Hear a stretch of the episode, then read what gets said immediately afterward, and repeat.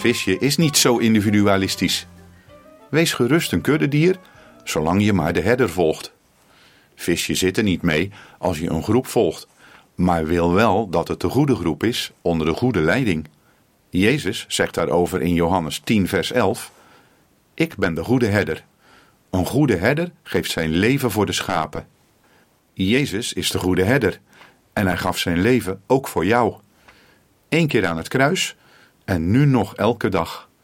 Alles heeft hij voor je over om je liefde te geven, om je te leiden, te verzorgen en te troosten als dat nodig is. Alles doet hij zodat je zijn stem maar zult horen en hem zult volgen.